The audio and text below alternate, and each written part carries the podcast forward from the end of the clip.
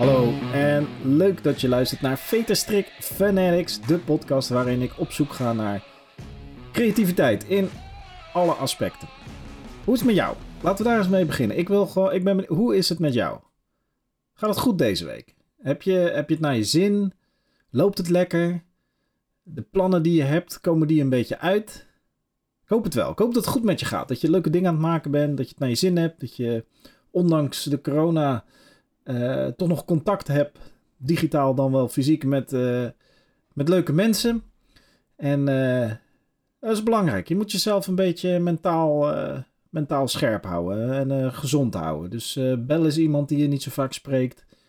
Stuur eens een mailtje uit het niks. Bedank eens iemand voor wat hij vroeger voor je gedaan heeft. Ja, dit, dit, ik besef dat dit nu gaat klinken alsof ik ook een, een soort meditatieve zen uh, werk aan jezelf podcast aan het maken ben. Waarvan ik er steeds meer zie oppoppen. Wat ik overigens prima initiatief vind. Het is altijd goed om, om aan jezelf te werken en te zorgen, wat ik al zei, dat je mentaal een beetje gezond blijft. Maar nee, dit is een podcast over creativiteit. Maar ik was gewoon even benieuwd hoe het met jou ging. Ja, toch? Een beetje wederzijds interesse, dat is wel leuk. Deze week heb ik echt een superleuke gast. Nou, nou heb ik eigenlijk altijd een superleuke gast. Maar deze week heb ik echt een superleuke gast. Comedian, cabaretier René van Meurs. En um, hij komt ook nog eens uit het Westland. Net als ik. Nou ja, hij komt uit Schipluiden. Dat is een soort, soort semi-Westland. Maar weet je, er staat ook echt wel een kas in Schipluiden. Dus vooruit. We trekken Schipluiden voor de sake of this podcast gewoon bij het Westland. Dus ik ga straks met René van Meurs praten. Althans, dat heb ik al lang gedaan. Ik neem deze intro uh, later op dan het gesprek. Het was echt een heel leuk gesprek. Ik moet vooral heel erg grinniken om... Uh, ja, het is een comedian, het is een cabaretier. Die staan bekend om een zelfspot. Maar de zelfspot van René van Meurs gaat soms een beetje ten koste van de marketing van René van Meurs. Wat, wat ergens, wat heel grappig is, maar vooral uh, besef je tijdens het luisteren van deze podcast dat eh, ik heb René van Meurs meerdere keren gezien. En ik weet ook niet waarom ik hem elke keer René van Meurs noem en niet gewoon René. Je weet nu dat ik de René van Meurs bedoel en niet een willekeurige andere René. Uh, ik heb René meerdere keren uh, live gezien. Nee, René van Meurs klinkt beter. Nu ik erover nadenk, het is, het is, het is René van Meurs en het is niet René. Ik, ik denk als ik hem in het echt tegenkom dat ik dan ook zeg... Hey René van Meurs, hoe is het met je? En niet Hey René, hoe is het met je? Het is zo'n naam op een of andere manier die, die, die hoort gewoon. Dat hoort bij elkaar. André Hazes, Wubo Okkos, René van Meurs. Zo'n naam die je gewoon voor- en achternaam tegelijk moet uitspreken. Bill Gates. Pardon. Anyway, ik heb, ik heb René van Meurs regelmatig live gezien in Toemler, in, in, de, in, de, in de theaters, in de Naald uiteraard, hier in het Westland. En uh, uh, hij is gewoon een hele goede stand-up comedian. Het is echt een... Uh, uh, ik vind zijn grappen leuk. Ik vind zijn enthousiasme leuk. Ik vind de manier waarop hij praat, trek ik goed. Um, en zijn, uh, zijn associatief vermogen, om het zo maar te zeggen. Ik, uh, het is vrolijkheid, weet je. Ook al, en dat zeg ik, en zijn laatste show was echt niet een show met als thema vrolijkheid. Maar op een of andere manier straalt er gewoon vrolijkheid door die jongen heen. En uh, ik, ik hou van de manier waarop hij denkt. En uh, met, naar de wereld kijkt, naar zichzelf kijkt, met zichzelf bezig is. Dus dat is een heel leuk gesprek geworden. En ik ben blij dat hij mee wilde doen aan deze podcast. En ik hoop ook dat jij, dat jij er veel plezier aan beleeft. En um, als we het gesprek met René van Meurs hebben gehad dan uh, kom ik nog even bij terug. Praten we nog eventjes uh, rustig door de week. Maar ik zou zeggen, geniet eerst van, uh, van het gesprek met René van Meurs over creativiteit. En hoe hij op ideeën komt, hoe hij ideeën uitwerkt, hoe dat werkt op een podium, hoe je onder... Nou ja, weet je wat? We gaan gewoon lekker luisteren. Hier is het deurbelletje. Oké. Oh, ik zie het. Ja, we zijn, we zijn officieel begonnen. Ja, maar ik kan gewoon knippen. Dus het is, uh, het is niet live en zo. Wat een ja, goed ja. systeem. Ja, ik zat ook nog helemaal moeilijk een broek aan. Maar Nee, het, is ook, het, is, niet. het is ook zonder beeld. Dit, dit is heerlijk. Dit is top. Ja, toch? Gewoon Ja, eh, net als ik, inderdaad. Lekker zonder broek. Mm. Haarpaars. Hey, hoe is het met je? Ja, goed. Wel. Ja? Ja, ja, eh, eh, eh, omstandigheden toegelaten, et cetera. Wat een Ja, automatisch dat- antwoord was dat. Om, ja, omdat ik heb, ik heb me ook een beetje voorgenomen dat ik, dat ik niet meer zo van... De waarheid ja, nou, precies. Want, want ja, daar zit niemand meer op te wachten. We, we- we weten allemaal hoe we in de wedstrijd zitten. En Ja, is ook zo. het, duurt, het duurt lang. want De, de 90 minuten zijn voorbij. Ik heb echt het idee dat we diep in blessuretijd nu aan het spelen zijn. En, ja, Ja, en dan, en dan hopen op die, niet op die ene... Nog net even die gelijk maken van de Duitsers. Dat zou fijn zijn. Nou, dat. Ja, al, al ben ik daar inmiddels ook wel... Ik, ik heb ook gewoon zin dat het klaar is. Dus, Ja, toch? ik- ja, laat me, laat me in godsnaam maar verliezen. Dat vind ik inmiddels ook best. Ik wil gewoon weten waar ik aan toe ben. Dat is, eh, Ja. dat is wat het is. Gewoon over... eh, want kijk, jij, jij, eh, jij, jij, jij, jij moet de plank op. Punt. Ja, Toch? man. Dat is het hele punt. Zo snel mogelijk. Ik zit, ik zit inmiddels officieel een jaar thuis. Of, of een jaar en vijf dagen inmiddels. Ik heb tussendoor, tussendoor nog wel wat showtjes gedaan. Maar dat was dan voor 30. En eh, dat is gewoon niet de vibe die, je die je gewend bent. Vaak ook precies de En- mensen die je niet wil. Dat zeg jij. Vaak ook inderdaad exact de 30 mensen waarvan je denkt: oh ja, als die thuis waren gebleven, hadden we allemaal een leukere avond gehad. en, eh, nee, op zich, het, het gaat allemaal goed hoor. Maar ik merk wel gewoon, als je een jaar niet speelt, ja, je gaat aan alles twijfelen, joh. Ja, mooi. Ik ben, ik ben mijn hele identiteit ben ik kwijt. Ik, ik twijfel aan mijn bestaansrecht. Ik heb, nou, ik, heb- ik heb, vorige week heb ik bij mijn vriendin een IKEA-kastje in elkaar gezet. Nee joh. Dat lukte en toen dacht ik, oh, ik doe er nog toe. Dat, dat, dat- Iets dat is een- relevants gedaan. dat is een raar soort bevestiging hoor, dat het, dat het moet zitten in een inbussleutel. Ik had helemaal niet gedacht dat dat ooit nog eens op mijn 35ste mijn leven zou worden. Maar ehm, Nee, maar ik, ik, ik, ik snap dat wel. Want, want het hele punt is met. eh, kijk, en ik wil niet gelijk eh hoogdravend gaan doen, maar eh ga het toch lekker doen. De, de hele, het hele idee van creativiteit en, en dingen maken is dat je constant feedback krijgt. Ik bedoel, ehm, dat is waarom je een boek schrijft, waarom je video's maakt, waarom je een game ontwikkelt. Want je wil feedback van degene die het consumeert. Maar jouw Ja. feedback is, is, komt uit de zaal. En dat weegt niet op als je dat bent en dat weet en kent, dan weegt niet de feedback van duizend likes op Instagram voor een. dat doet het, ja. Nee, dat is anders. Dat, doet het al lang niet meer. Ja, en, en het lastige met comedy is natuurlijk ook nog dat eh, je kan het alleen maken met publiek. Ja. Want ik, ik ben nu wel een beetje aan het schrijven en ik loop hier thuis af en toe nog wel eens met een soort deodorantbus onder mijn gezicht, bij wijze van microfoon. Een Mhm. soort door de woonkamer wat grapjes te praten. Maar als er niemand iets van vindt, dan bestaat het gewoon niet. Dat is, dat is, kijk, een boek kan je natuurlijk prima schrijven terwijl je thuis achter je laptop zit.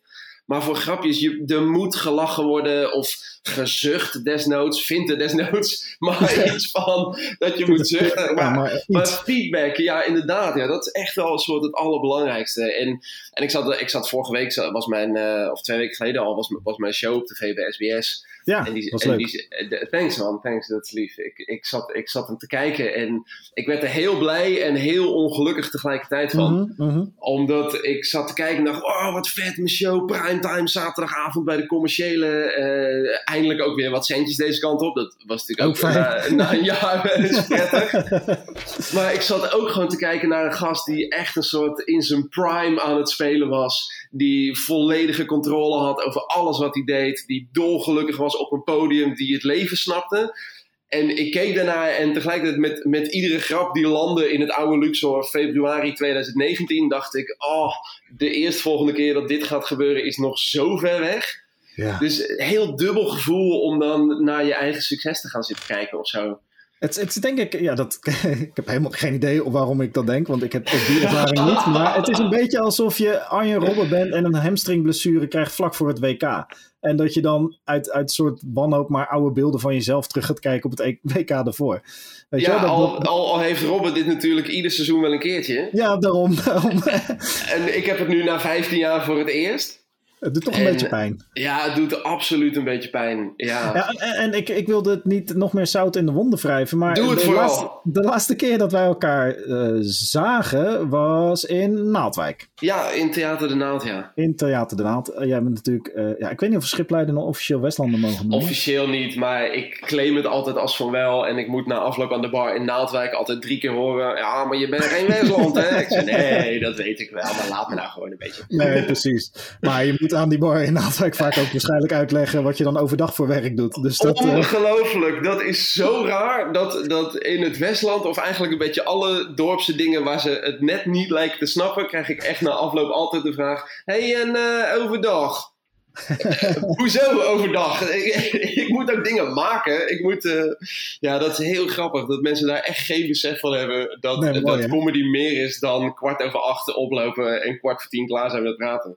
En dan, uh, ja, en precies. En de grapjes ter plekke verzinnen. Ja. Maar, uh, maar toen, nee, ik was daar met een, met een aantal, aantal vrienden. Um, en jouw show gezien, was, ja, dat, dat, met, met de drie, vier, weet het, met de drie vierkantjes. De mm podium. Ja, was fantastisch. Vond het echt.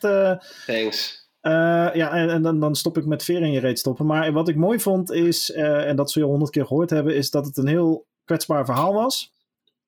Um, wat heel gevaarlijk is, denk ik, als comedian. Niet alleen voor jezelf, maar ook als comedian. Want het gevaar zit erin dat je dat het allemaal te weemoedig wordt en dus de Ja, je, je bent echt wel elke avond een soort aan het waken voor... Eh, ik, kijk, ik wil natuurlijk dat mensen naar die show komen en dat ze denken... deze gast is fucking grappig. Maar als je zo'n mega kwetsbaar verhaal doet als wat ik inderdaad in die show aan het doen ben... sluimert er altijd een beetje het risico dat mensen kijken en denken... hij is ook zielig.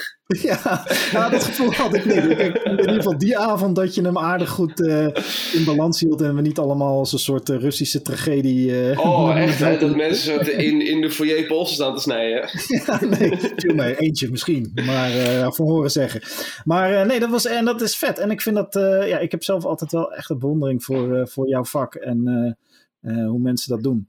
De, de, en, en dat zit hem niet eens in, in grappen verzinnen, want ik denk dat heel veel mensen grappen kunnen verzinnen, maar vooral in het uh, structureren van die grappen, uh, er een verhaal van maken en gewoon duizend wildvreemde mensen anderhalf uur meenemen. Ja, dat, dat is heel gek. En, maar ik heb, dat is wel fijn, want ik heb dus inmiddels wel geleerd dat hoe persoonlijker het verhaal is wat je vertelt, hoe universeler het aankomt bij mensen.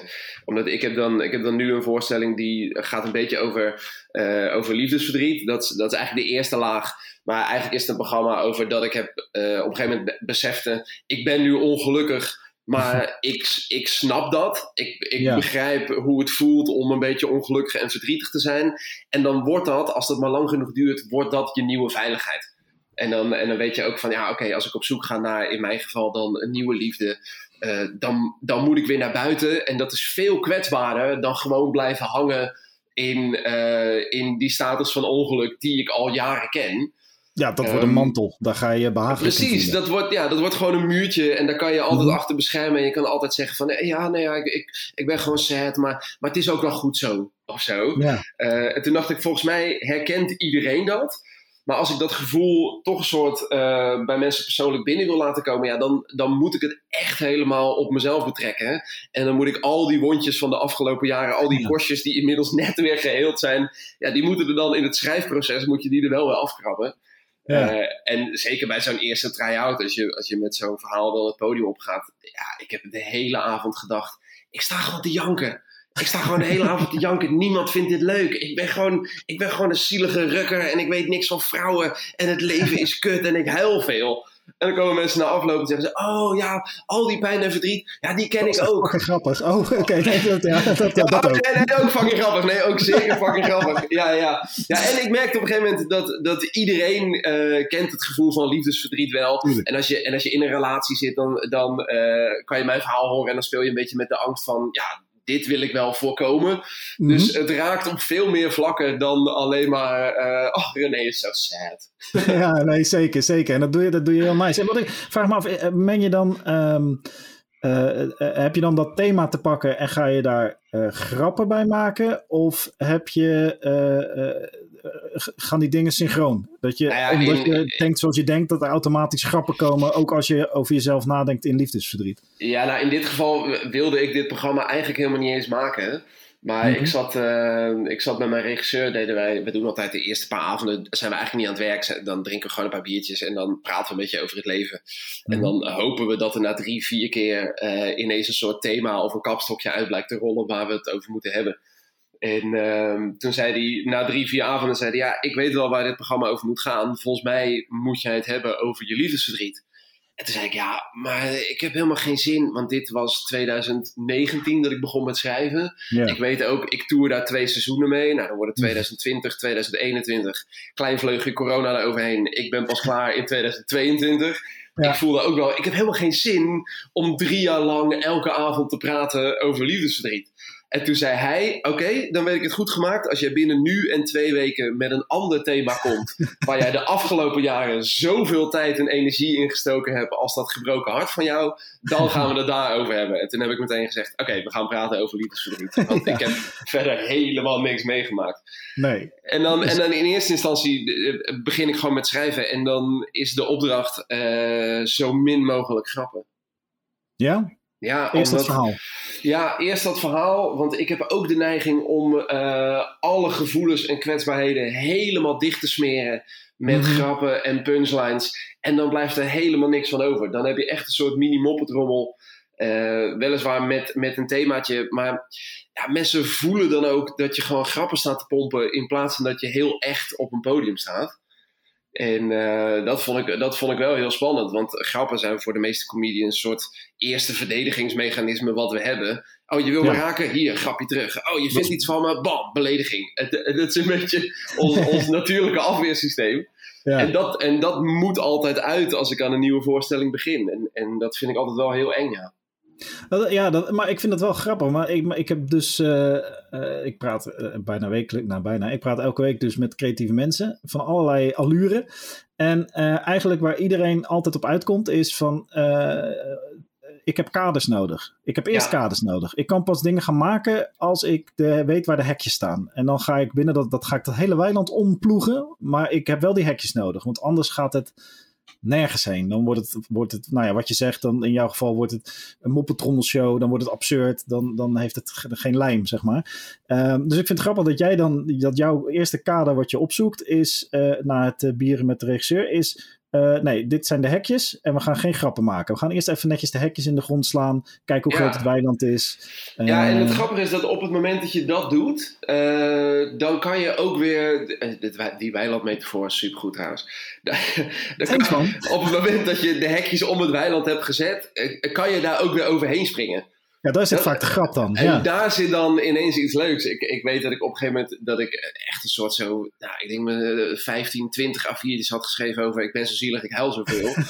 en, en dat ik toen dacht, ik heb gewoon zin om een mooi verhaal te schrijven over op vakantie gaan met mijn ouders. En toen had ik, en toen had ik dat verhaal had ik helemaal geschreven. En dat legde ik toen voor aan mijn regisseur. En zei hij, ja, maar eh, je hebt zelf wel in de gaten dat dit verhaal gaat helemaal niet over de vakantie met je ouders, maar meer over hoe je ouders met jou en je broertje omgaan. Hoe zij onderling zich tot elkaar verhouden. Hij zegt, dat is ook allemaal liefde.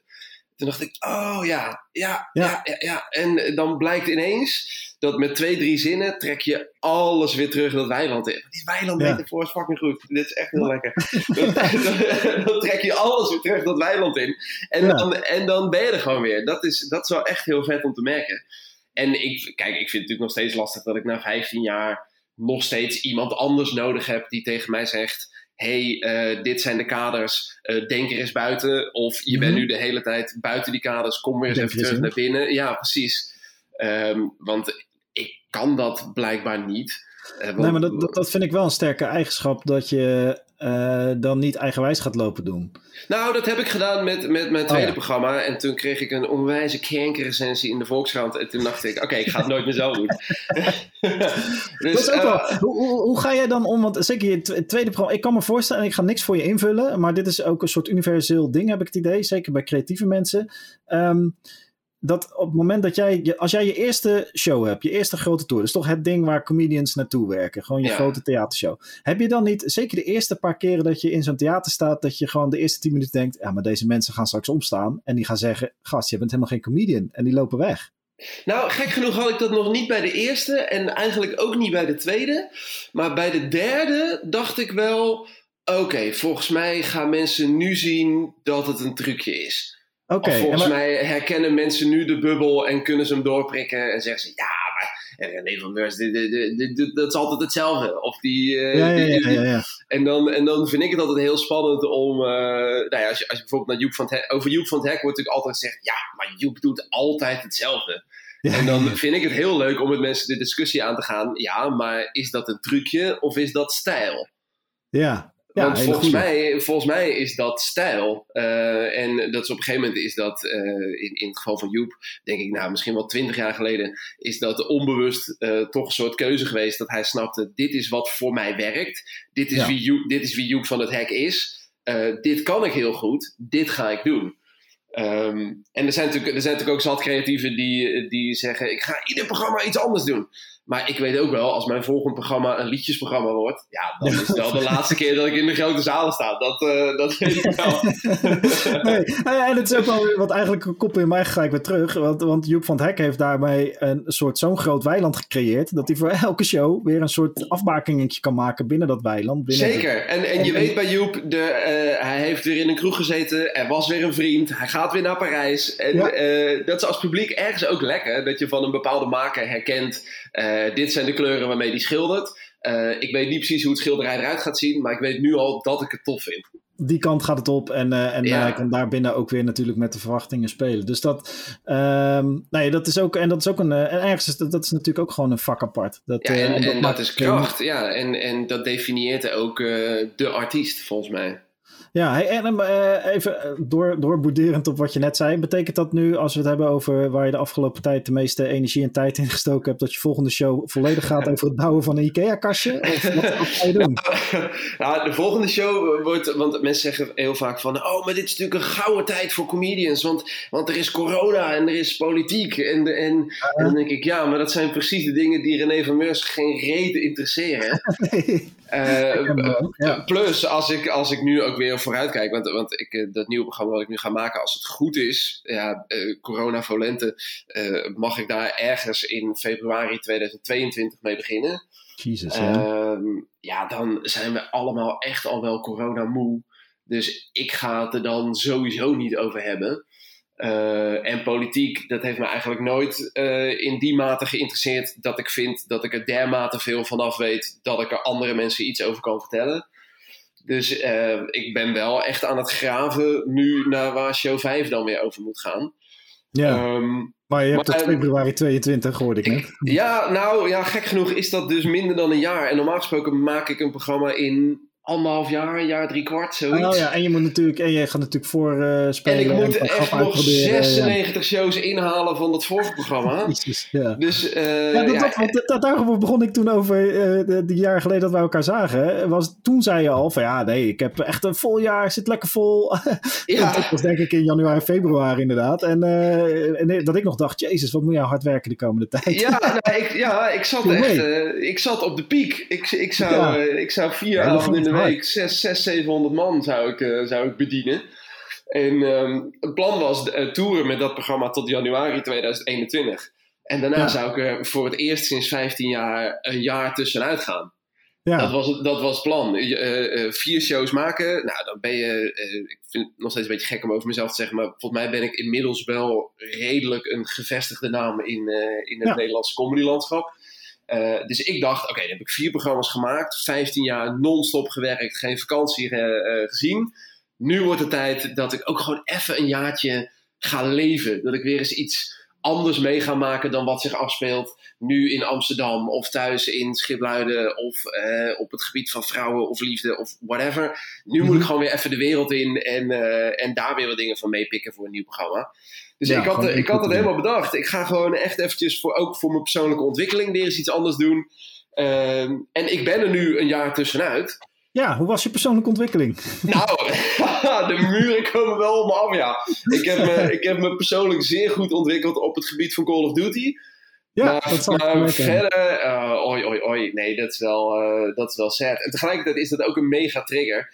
Uh, dat ik nu gewoon voel van, oké, okay, ik heb wel echt afscheid genomen van het jonge mannetje wat ik was. Ik ben nu Mhm. echt wel een volwassen man met volwassen zorgen. Ik moet, ik moet ineens, ik, moet, ik, heb, ik heb een hypotheek lopen. Ik heb Oh, ja. een vriendin die langzaam aanstuurt op kinderen en samenwonen. Eh, het, het, het, het volwassen leven dient zich wel aan.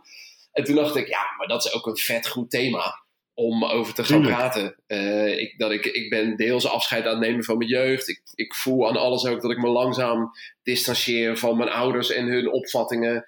Uh, Ik ben ook een beetje afscheid aan het nemen van Schipluiden. En, door, en nou ja, niet, niet als in dat, dat ik me er tegen afzet en dat ik er nooit meer wil komen en dat soort dingen. Maar wel een beetje tegenover die uh, doe maar normaal, dan doe je al gek genoeg houding. Dus, dus ik voel wel dat dat het programma gaat worden. Dus ik heb wel al een beetje hekjes om het weiland gezet. Ja. en nu ben ik daar aan het grazen. Maar ja. is een metafoor, top. Ja, toch goud, hè? en, en, en, de uitdaging wordt nu, uh, dus in plaats van een, een, ja goed, het jaar rust, uh, zoveel rust mentaal geeft corona natuurlijk niet, maar dat je nu dus in plaats van een jaar rust heb je nu een, eigenlijk en een programma schrijven en 96 shows inhalen. Ja, en, en ik weet niet precies wanneer we weer beginnen met inhalen. Ik weet wel dat, stel dat er morgen een persconferentie is, dat we volgende week weer mogen spelen dan heb ik super veel zin om dat oude programma weer op te pakken. Tuurlijk. En tegelijkertijd mega veel paniek, omdat ik heb het een jaar niet gespeeld. Ik moet mhm. echt weer even terug de boeken in hoe dat ook alweer, uh, hoe dat ook alweer zat. Mijn tip, uh, mensen, kom niet naar de eerste show die ik mag spelen als, als we weer open zijn. Ofwel, als je gewoon een trainwreck van de voorstelling wil zien. Uh, dus, maar, ja, maar dat, dat wordt wel gek, want, want ik, heb er, ik moet van mij Um, ja, als we alles weer twee keer op een avond gaan spelen, dan, dan moet ik er nog 96 tot, uh, tot eind 2021. En dan heb ik mezelf januari uh, vrij laten roosteren. En dan, ga, en dan ga ik, ja, toch, toch dat maandje. Ik ga ergens heen. Ik weet niet wat er dan ook open is. Daar ga ik op vakantie. En dan, uh, en dan in februari, 1 februari 2022 gaan we weer beginnen. Dus de druk staat er wel enorm op. En uh, terwijl ik dit weet, ben ik nog steeds extreem voor me uit aan het schuiven. Ja, maar dat is denk ik ook wel. Um, dat is ook wel weer goed. Want ik kan me ook voorstellen, zoals je weet nu een soort van stiekem een beetje waar je heen wil met de volgende show. Ja. Maar um, ik heb wel eens, als ik een vet idee heb voor iets, voor, uh, voor of een boek of een video of whatever, dat ik op het moment dat het idee naar binnen komt, dat ik het gelijk even weg wil zetten. En dat ik er niet aan wil denken en niet mee bezig wil zijn. En dus eigenlijk voor me uit zit te schrijven en heel lui lijk. Uh, maar omdat het idee gewoon een soort nodig heeft om in, uh, ja, uh, niet al te filosofisch, maar in je onbewustzijn te borrelen. En er moeten nog wat connecties ik wilde, ja, precies. Ik wilde het woord marineren, wilde ik. ja, ja, ja. ja, ja. dit, is, dit is wat, dat is wat er nu aan de hand is. Dus al die dingen die ik net aan jou vertelde, daarvan, daar, op het moment dat ik ze nu aan jou vertel, denk ik ook, ja, dat is echt wel een goed thema. Ah, volgende week gaan we beginnen. En dan, en, dan, en, dan, borrelt het gewoon nog even lekker een week. Uh, en ik weet ook, want dat is, dat is ook als ik een programma maak, de eerste. De, godsamme. Ja, Maakt niet uit, het is live, dan heb je ja, dat. Ja, nee joh, dit, dit is mijn wijf. Nou, dit drukken we weg. Zo. Oh, als je dit luistert. Okay, nou, ik, heb ik ook met mijn wijf gezegd. Ongelooflijk. Dan zit ik toch weer stoer te doen met jou.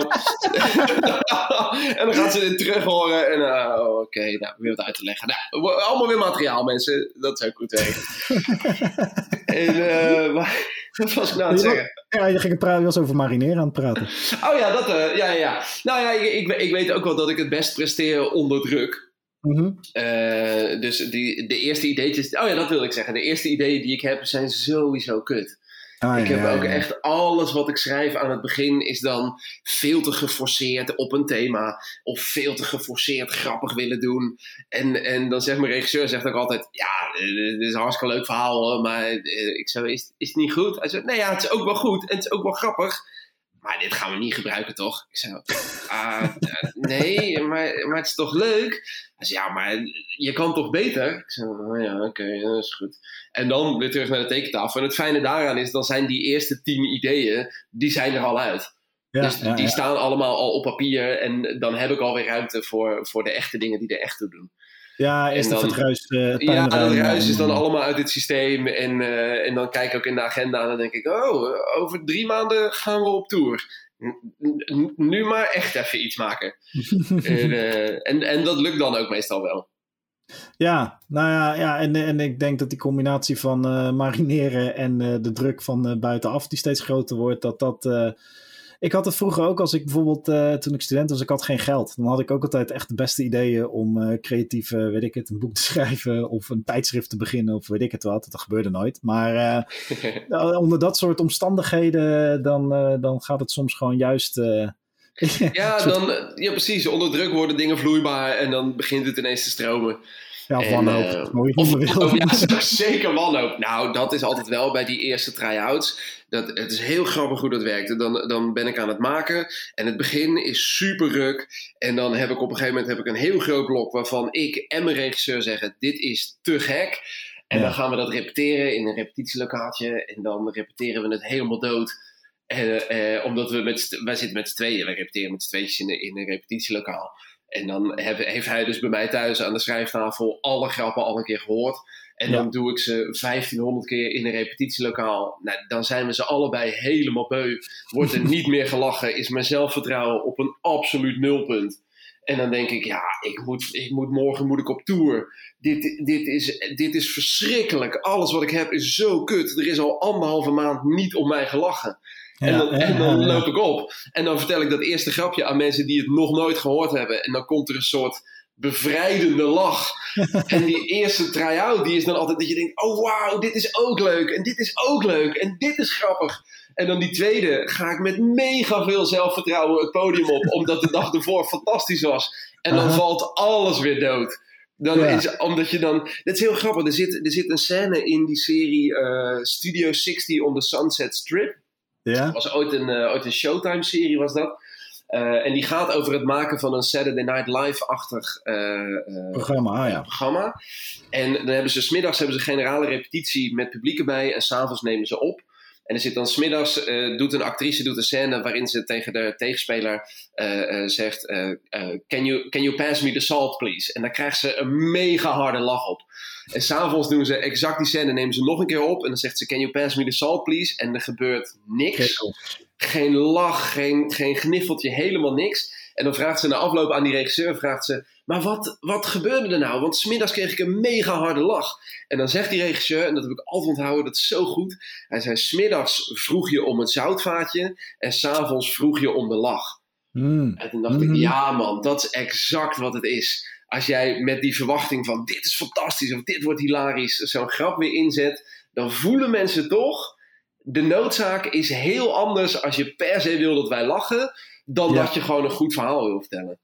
Maar is dat, eh, kun je dat dan, eh, want dat moet je, eh, dat is het, het vakmanschap natuurlijk, en dat kun jij, anders heb je geen vier shows. Maar hoe doe je dat dan in je hoofd tijdens zo'n, tijdens de show? Dus als je daar staat op het podium, jij weet al lang waar de grap heen gaat. Ja, Het publiek weet natuurlijk ook al dat je naar een grap toe gaat, want anders hebben ze de kaartjes voor het verkeerde, de verkeerde voorstelling gekocht. Ehm, en, en dan toch, toch nog die grap binnen dat, binnen dat verwachtingspatroon ja laten het, vallen. is, zeg het, is, het is toch jezelf een soort elke avond dwingen om dat hele verhaal weer vanaf nul te beleven.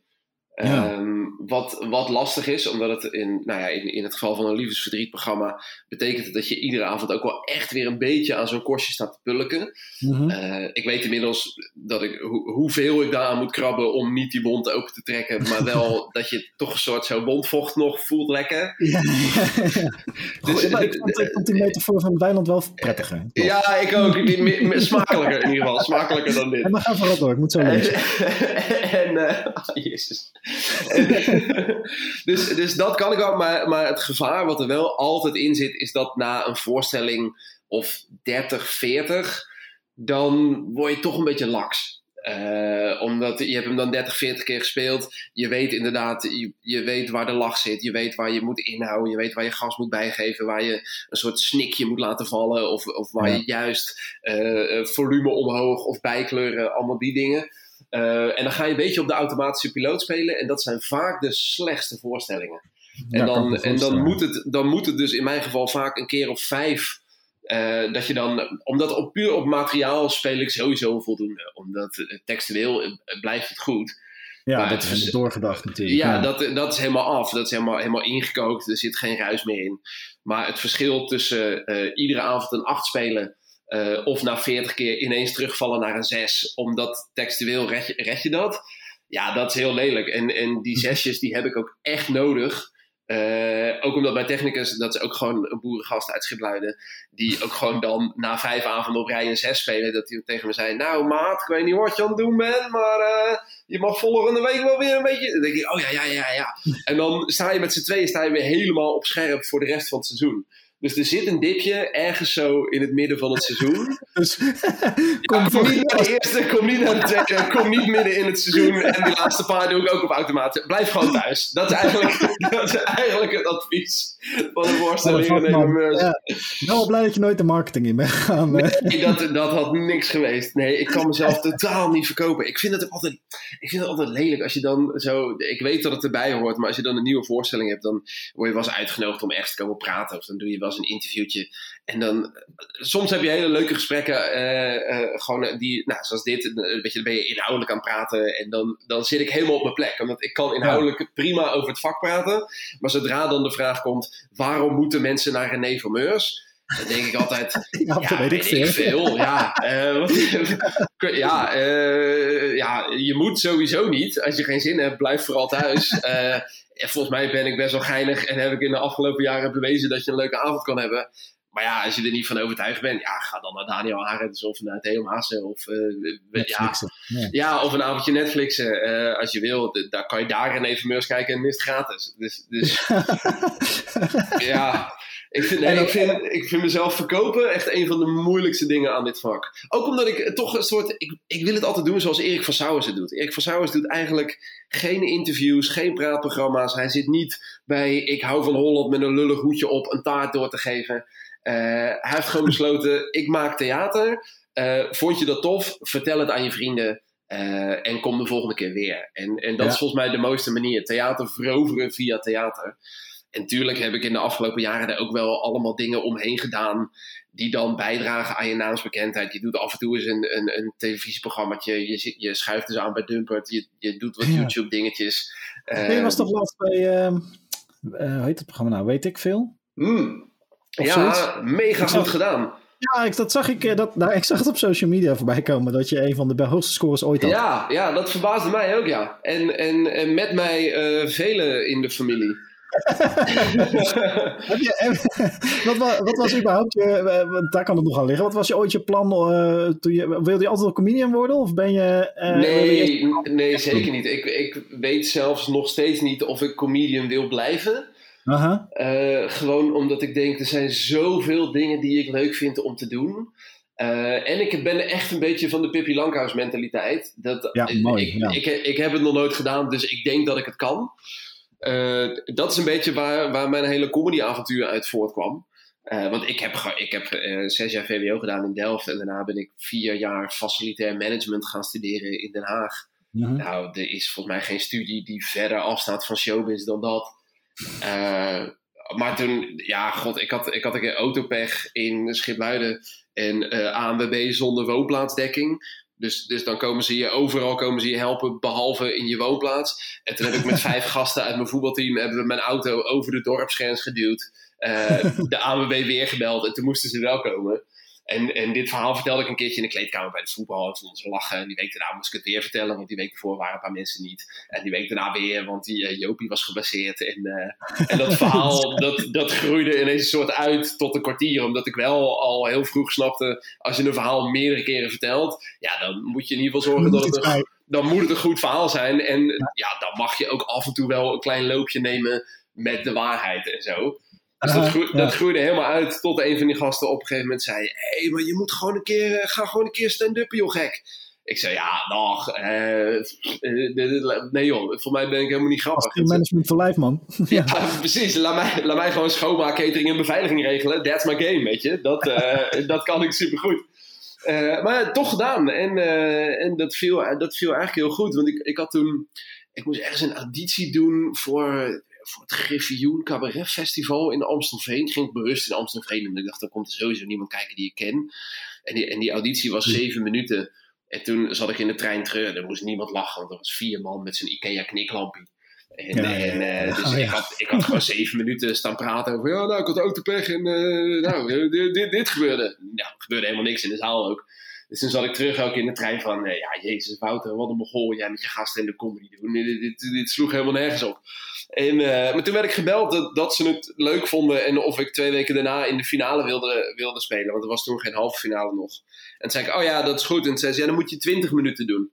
Ik zei, ja, maar, eh, ik, zei, ja, maar ik heb alleen uh, mijn autopechverhaal.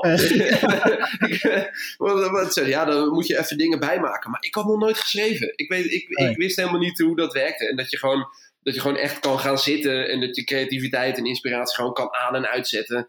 En dat je gewoon kan maken. Dus, dus ik had ook gewoon bedacht van, nou ja, ik vertel dit verhaal, ik leuk het nog een beetje op en dan kijk ik rek het wel tot 12 en dan zien we wel wat er gebeurt. Dus ik had dit verhaal gewoon verteld, zo 12, 13 minuten. En toen heb ik ook naar de zijkant van het podium, waar de organisatie stond, heb ik gezegd: Ben ik er al? en, en, toen zeiden ze: Nee, nee, je, je, je mag nog zeven, je mag nog zeven minuten. En toen heb ik gewoon tegen iemand gezegd: Maar uh, hoe is het met jou dan? en toen ging ik gewoon met mensen praten in de zaal nog zeven minuten. En dat werd veel leuker dan dat hele van tevoren bedachte autopech-verhaal. Ja. Uh, en toen won ik de publieksprijs. En toen zei, heb ik ook tegen mijn ouders gezegd van... Ja, maar als ik dit kan, dan, dan ga ik toch niet uh, facilitair managen. Vanaf, nee. nu ben, vanaf nu ben ik gewoon cabaretier. En, uh, en, en, toen, vanaf dat moment was ik cabaretier. Ja, nice. En, en, en, en, gaan doen, ja. En, en autodidactisch dus? Autodidact, ja. Uh, en inmiddels... denk ik met bij comedy waarschijnlijk in veruit de meeste gevallen uh, aan de hand is. Maar goed. Ja, je hebt natuurlijk wel veel van die, van die eenheidsworsten van de Kleinkunstacademie. Ja, die, okay. die, die allemaal dezelfde handvatten krijgen aangereikt. En die toch allemaal qua kleur en smaak en stijltje een beetje hetzelfde zijn. Mm niks ten nadele van de Kleinkunstacademie, want ik denk dat als ik op het moment dat ik een studiekeuze had moeten maken en ik wist dat ik dit leuk vond, had ik waarschijnlijk, die, op, ja, had ik waarschijnlijk die opleiding gedaan. En speelde ik nu naast Robert de Hoge in Mokka Mafia. En vond, vond iedereen mij kankervetoelen. Dus, dus, dus ik, ik denk dat ik dat, uh, dat ik dat had gedaan. Uh, maar ik ben eigenlijk wel heel blij met hoe het pad gelopen is. Want, want ik ben eigenlijk na die, uh, na die publieksprijs ging ik avondvullend improviseren met Opsterk Water.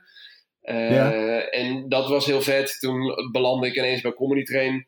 En toen mocht ik ineens optreden met alle mensen die ik sinds mijn jeugd al fucking gaaf vond. Ik heb, ja. ja. ik heb naar Theo Maassen gekeken met natte haren en nibbitringen om mijn vingers.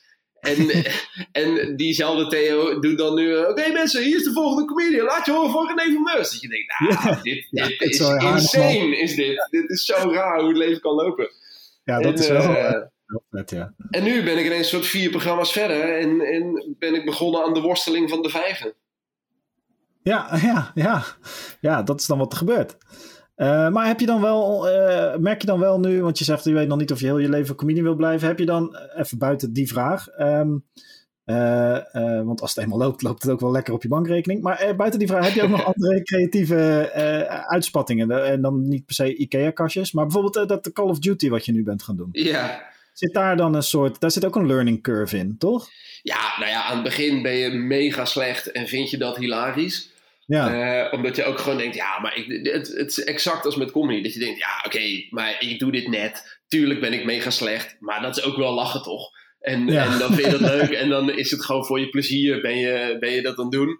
En dan op een gegeven moment kom je op zo'n punt waarop je volgens mij, uh, van, ah ja, okay, hoe heet het nou? Je hebt een paar van die stadia. Je hebt volgens mij uh, um, onbewust onbekwaam.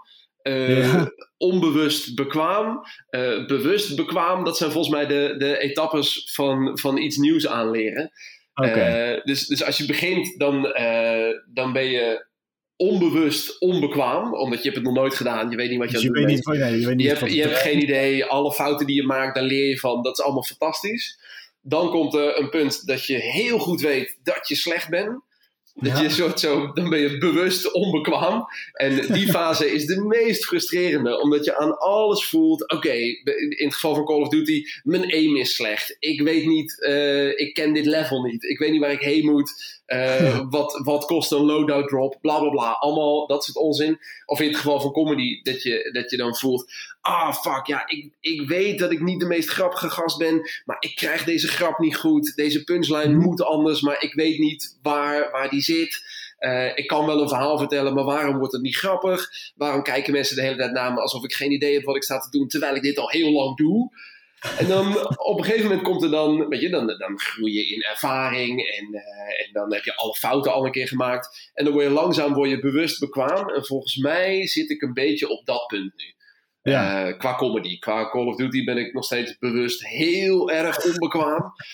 uh, ik, ik, heb ook vrienden die gewoon echt na twee potjes zeggen: René, moet jij niet weer even twee potjes solo spelen? Dat, ik, dat, is ook leuk. dat is voor ons ook leuk. Dan maken wij ook weer eens kans. En, uh, en, en met comedy zit ik nu op een punt dat ik echt heel goed snap waar ik mee bezig ben. En dat ik af en dat, Ik vind het nu zelfs af en toe ook leuk om een avond slecht te spelen. ja, nou, dat je dat, ja, dat je, oh, ja, ik ken de, de comedians, dat ben jij niet per se, maar die het publiek uh, boos willen krijgen bijvoorbeeld. Of uh, die een andere uitdaging, zoals, je hebt Larry Bird, de basketballer, ja. die heeft op een gegeven moment een wedstrijd, hij was zo goed. Nou, ik wil niet zeggen dat jij de Larry Bird van het Nederlands comedy bent. Maar die was, Wat is dit nou? ja. Maar dat hij op een gegeven moment dacht, weet je ik ga, alleen nog, ik ga vandaag alleen maar met links schieten. En dat hij dan 60 punten erin knalt, weet je wel. Dat, dat, uh, dat, dat niveau. Dat je gewoon zo, dat je op andere manieren je, je creatieve uitdaging ja, nou, dat ja, dat je. Niet mee. Ja, ja, soms mensen een beetje tegen de haren instrijken. En, uh, en, en er zijn ook zat voorstellingen dat ik, dat ik oploop en dat ik voel: ah shit, iedereen heeft er zin in. en, dat je, en, dat je daar, en dat je daar dan een klein beetje van baalt, omdat je voelt: ja, maar dan bepalen jullie het tempo van de avond en dat hoor ik te doen. Als iedereen vanaf het begin al zo handen wrijvend in de zaal zit van... Oh, daar is René van Meurs. Ik weet hoe die praat. Ik weet wat hij zegt. Ik weet wat hij gaat doen. Oh, ik heb hier zin in. Dit wordt vet lachen. Dan zijn ze eigenlijk mij de baas. Terwijl het hele idee is juist dat ik kom met een plan. En dat ik even ga bepalen wat er die avond gaat gebeuren. En dan kan het wel eens lekker zijn om aan het begin ja, net een beetje tegen ze in te kleuren of zo. En, dan, en dan te besluiten, ik duw jullie heel even vijf minuten weg. Want dan moet ik daarna weer werken om in die laatste 85 minuten weer, uh, weer aan me te binden. Shine, en dat is ook voor iedereen leuker uiteindelijk. Zeker, omdat je dan ook voor publiek, omdat ze dan voelen van... oh, we zijn nu echt met een unieke avond bezig. Of, of alles wat hij nu doet, doet hij om ons erbij te houden. En uh, dit gaat hij morgen in Barneveld of overmorgen in Druten, gaat hij dit echt niet doen. En, en, en dan doe ik dat daar gewoon weer. ik vind nog steeds jouw marketing briljant. Maar, um... oh, ja, ja, ja, kom kijken mensen, kom kijken. Ik ben echt leuk. Maar niet eerste, midden, einde en niet in Barneveld of Druten, maar verder. verder kan je in principe overal aanschrijven en wordt het leuk. En niet zeker als ik de eerste vijf minuten tegen je inga. nou ja, kijk, en, wat, en dat is denk ik jouw kracht ook. En volgens mij is dat het dan, ja, ik wil ook weer niet meteen allerlei uh, dingen zien waar ze niet zitten. Maar als je het dan hebt over die eerste keer dat je dan je, uh, in, Am in uh, Amstelveen stond en je verhaal doet over de, de kapotte auto. Overigens heb ik trouwens ook wel eens op de veilingroute een auto lopen duwen met mijn basketbalteam. Ja, maar, het zou zomaar kunnen dat dat vanwege dezelfde reden was. Ja, nou ja, goed. Veilingroute is de verbindingsweg tussen Westland en de bewoonde wereld. En daar zit geen pleiden halverwege. Maar goed, yes. wat ik wilde.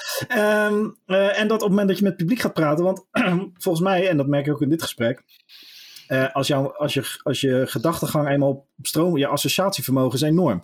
Dus, ja, ik ga wel hard, ja.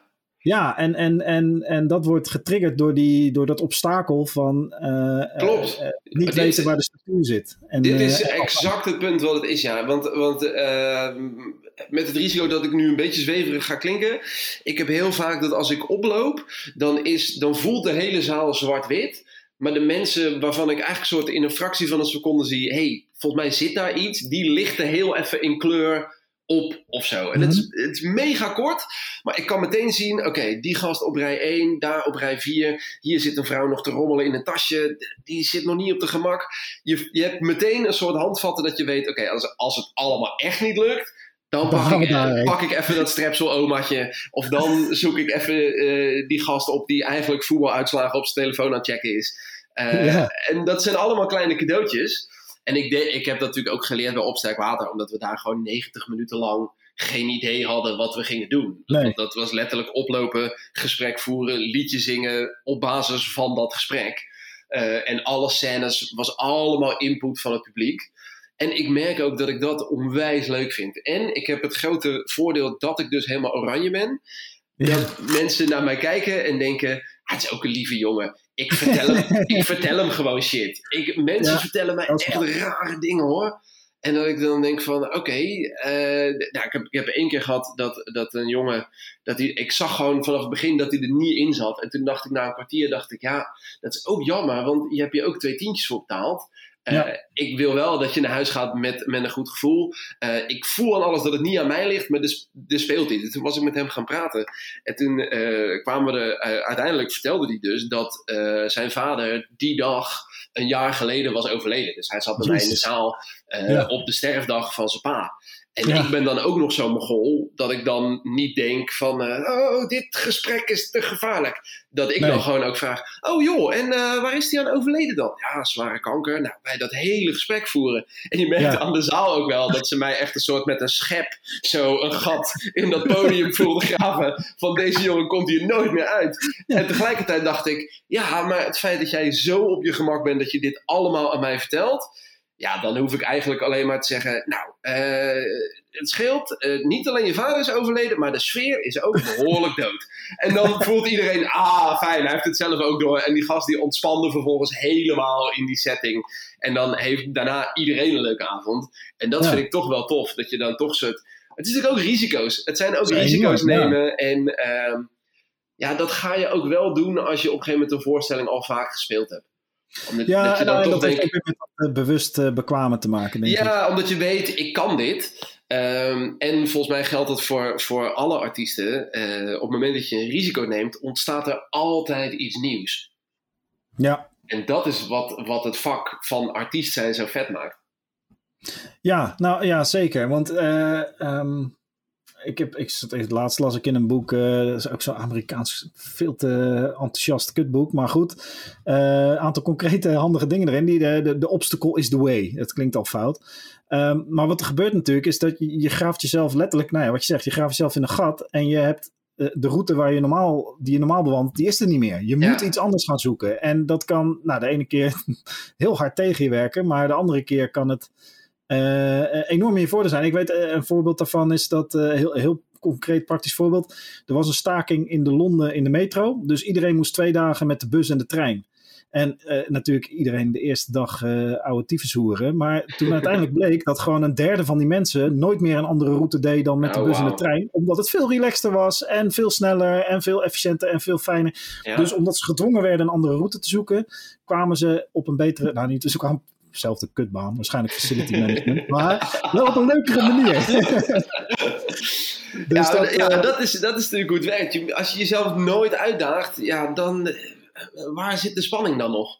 Ja, ja, dat is een goede. En dan gelukkig heb jij een vak waarbij, nou, die uitdaging heb je heel snel gevonden als je. Ja, ik, ik, ik, ik moet.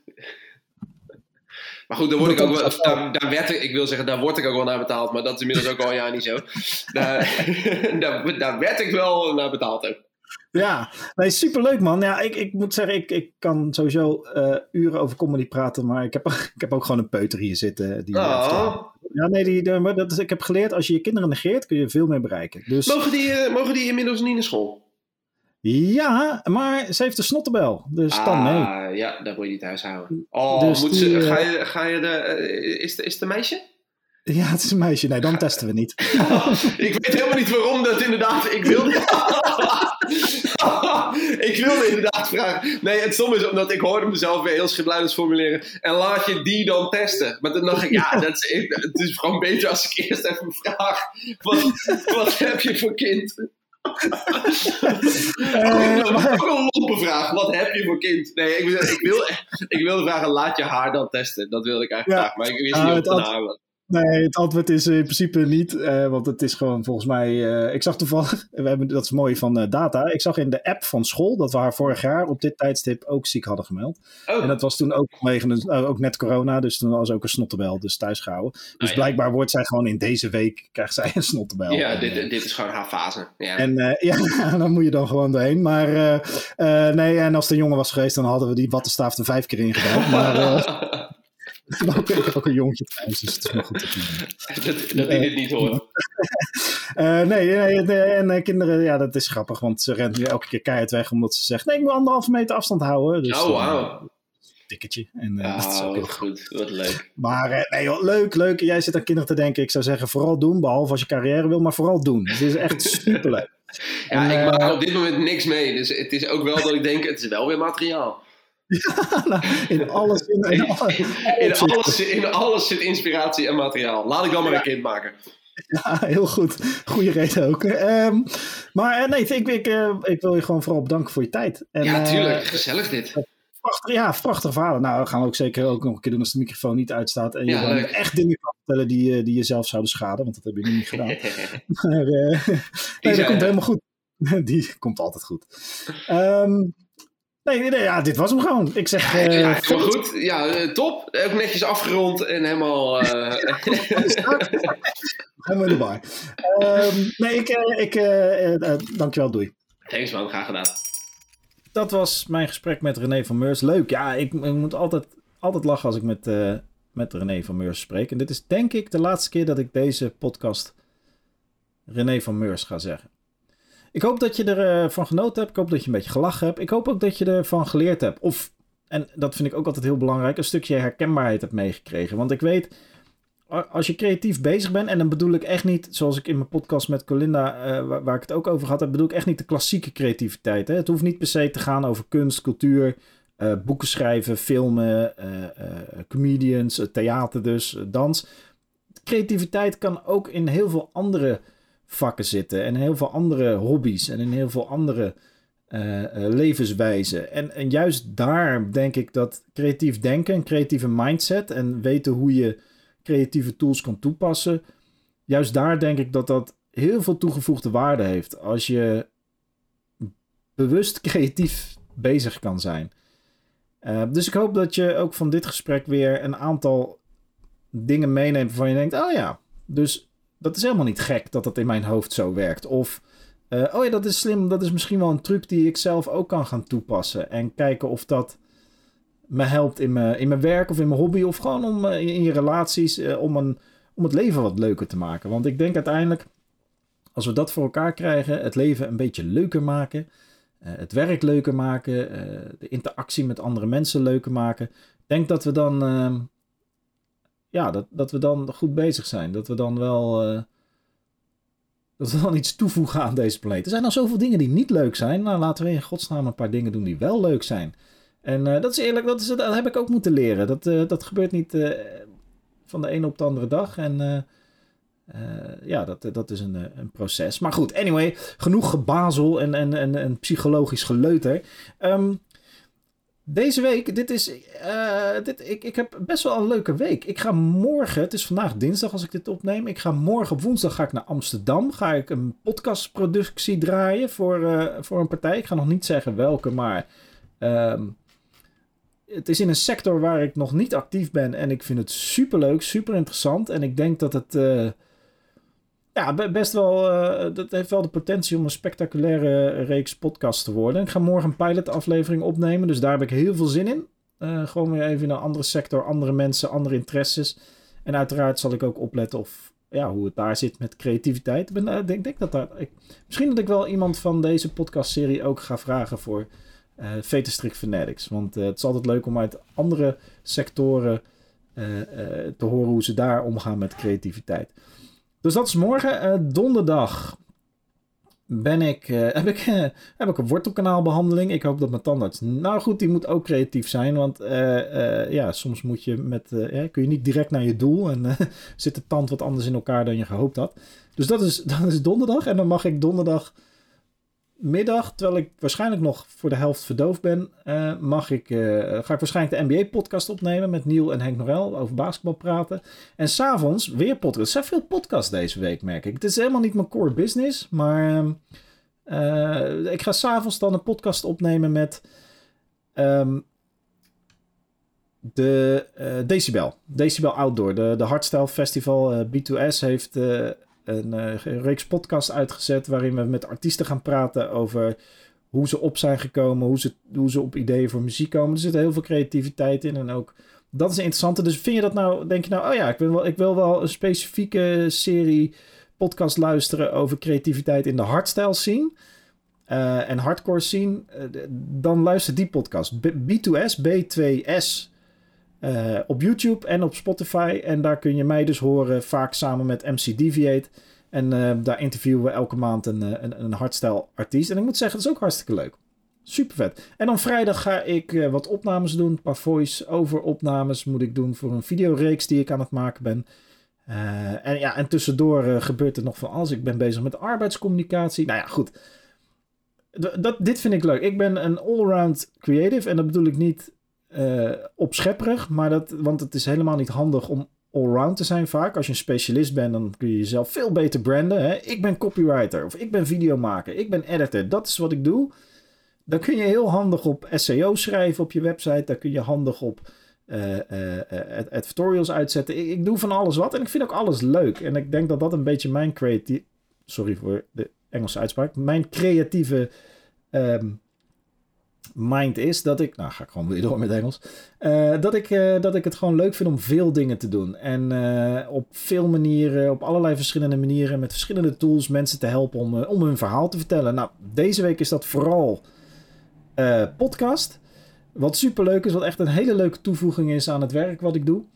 En, en een beetje video, een beetje schrijven, want ja, dat hoort er ook bij. Dus dat is mijn week en ik ben daarin natuurlijk altijd op zoek naar hoe kun je op de beste manier het verhaal vertellen aan je doelgroep, aan de mensen aan wie je het wil vertellen. Waar doe je dat? wat is het verhaal? Dat zijn, ja, ik vind dat enorm leuke uitdagingen om daar met andere mensen, bedrijven, organisaties mee bezig te zijn. Dus ook deze week weer. En, en ik ga vanavond wandelen met een, een, van mijn beste vrienden. Martijn. Dijna. Ook zin in. Gewoon lekker wandelen. is ook belangrijk. Een beetje aandacht en, en tijd investeren in de, in de mensen om je heen. Dus uh, superleuk. Helemaal zin in. En ik vertel ook aan mij. Ik wil, dit is niet eenrichtingsverkeer. Ik zeg elke als jij iets wilt vertellen aan mij. want jij luistert dit. doe dat ook gewoon. Je kan me gewoon een berichtje sturen via LinkedIn, via Instagram, via Twitter. Um, ook als je het stom vindt, laat me dan weten wat je stom vindt, wat ik beter zou kunnen doen. Heb je tips voor gasten? En ik heb nog een heel rijtje staan. Ik ben er zo enthousiast van. Het is zo leuk om met al die mensen te praten. Uh, heb je tips voor gasten? Heb je vragen over creativiteit? Dingen waar je zelf mee worstelt? Uh, en worstelt is misschien een te zwaar aangezette term, maar stuur het naar mij. En je kan me ook altijd mailen, want ik zet altijd mijn mailadres in de beschrijving van elke podcast. Dus uh, schroom niet. Laat het me weten. En geniet van je week. Ik hoop dat je weer mooie dingen gaat maken deze week. Nieuwe ideeën krijgt en ze lekker uit gaat voeren. En vergeet niet, zoals altijd, be nice.